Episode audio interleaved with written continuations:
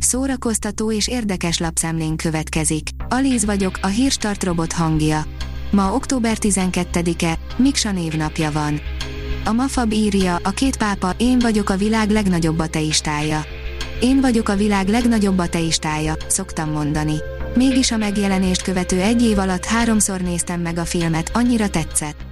Úgy gondolom, hogy a vallás és a hit kérdése az utóbbi évtizedek alatt annyira szoros lett, hogy sokak szerint nincs hit vallásosság nélkül. Az NLC írja, Kinizsi Otto élete nőiről mesélt. Nők az életemben sorozatunkban ismert hazai férfiak mesélnek azokról a nőkről, akik a legfontosabbak számukra. A VMN oldalon olvasható, hogy nőnek lenni ketrec, de legalább az enyém, interjú Vaj Blanka trans aktivistával önéletrajzi könyve kapcsán. Négy éve él látható módon nőként egy olyan világban, ahol a puszta létezése is provokáció a fennálló hatalom szemében.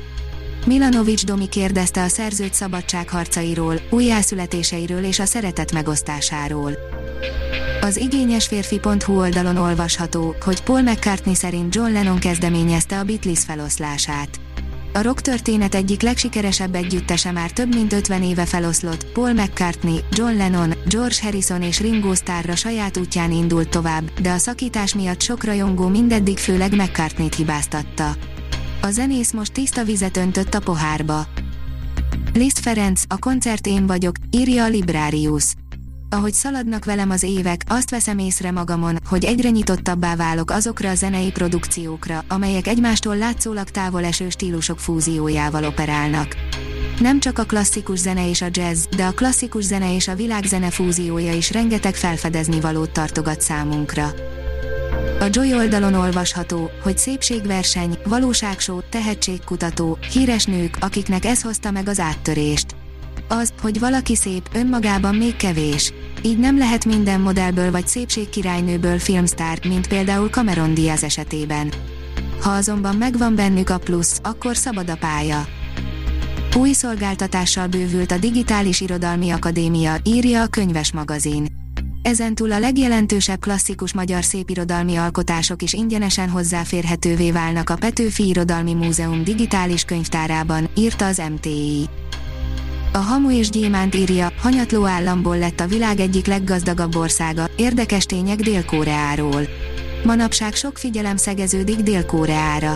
Rengetegen szeretik a kápopot és a kádrámákat, míg másoknak a legnagyobb álmuk az, hogy megtanuljanak koreaiul beszélni, és elutazhassanak Szöulba. Így minden további nélkül érkezzen hat érdekes tény Dél-Koreáról. A Telex írja, a lemez, ami megnyugtathatja a rajongókat, lovasi mégse vált Ákossá. Jutka átúszott A-ból B-be, a folyó után az óceánon is, egészen a Grand Hotel Halmaheráig.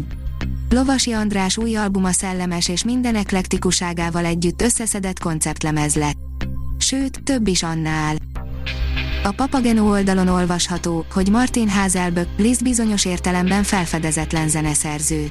Liszt régóta áll az osztrák orgona művészkarmester Martin Hazelböck tevékenységének középpontjában, ő adta közre elsőként a zeneszerző orgona műveinek összkiadását, amelyeket 1986-ban lemezre is rögzített. Öt dolog, amit talán nem tudtál a Dr. Csontról, írja a port.hu. A hihetetlenül népszerű sorozat 12 évig futott, és összesen 246 részt ért meg. Ennyit azért nem, de azért találtunk néhány érdekességet. A Hírstart film, zene és szórakozás híreiből szemléztünk. Ha még több hírt szeretne hallani, kérjük, látogassa meg a podcast.hírstart.hu oldalunkat, vagy keressen minket a Spotify csatornánkon. Az elhangzott hírek teljes terjedelemben elérhetőek weboldalunkon is.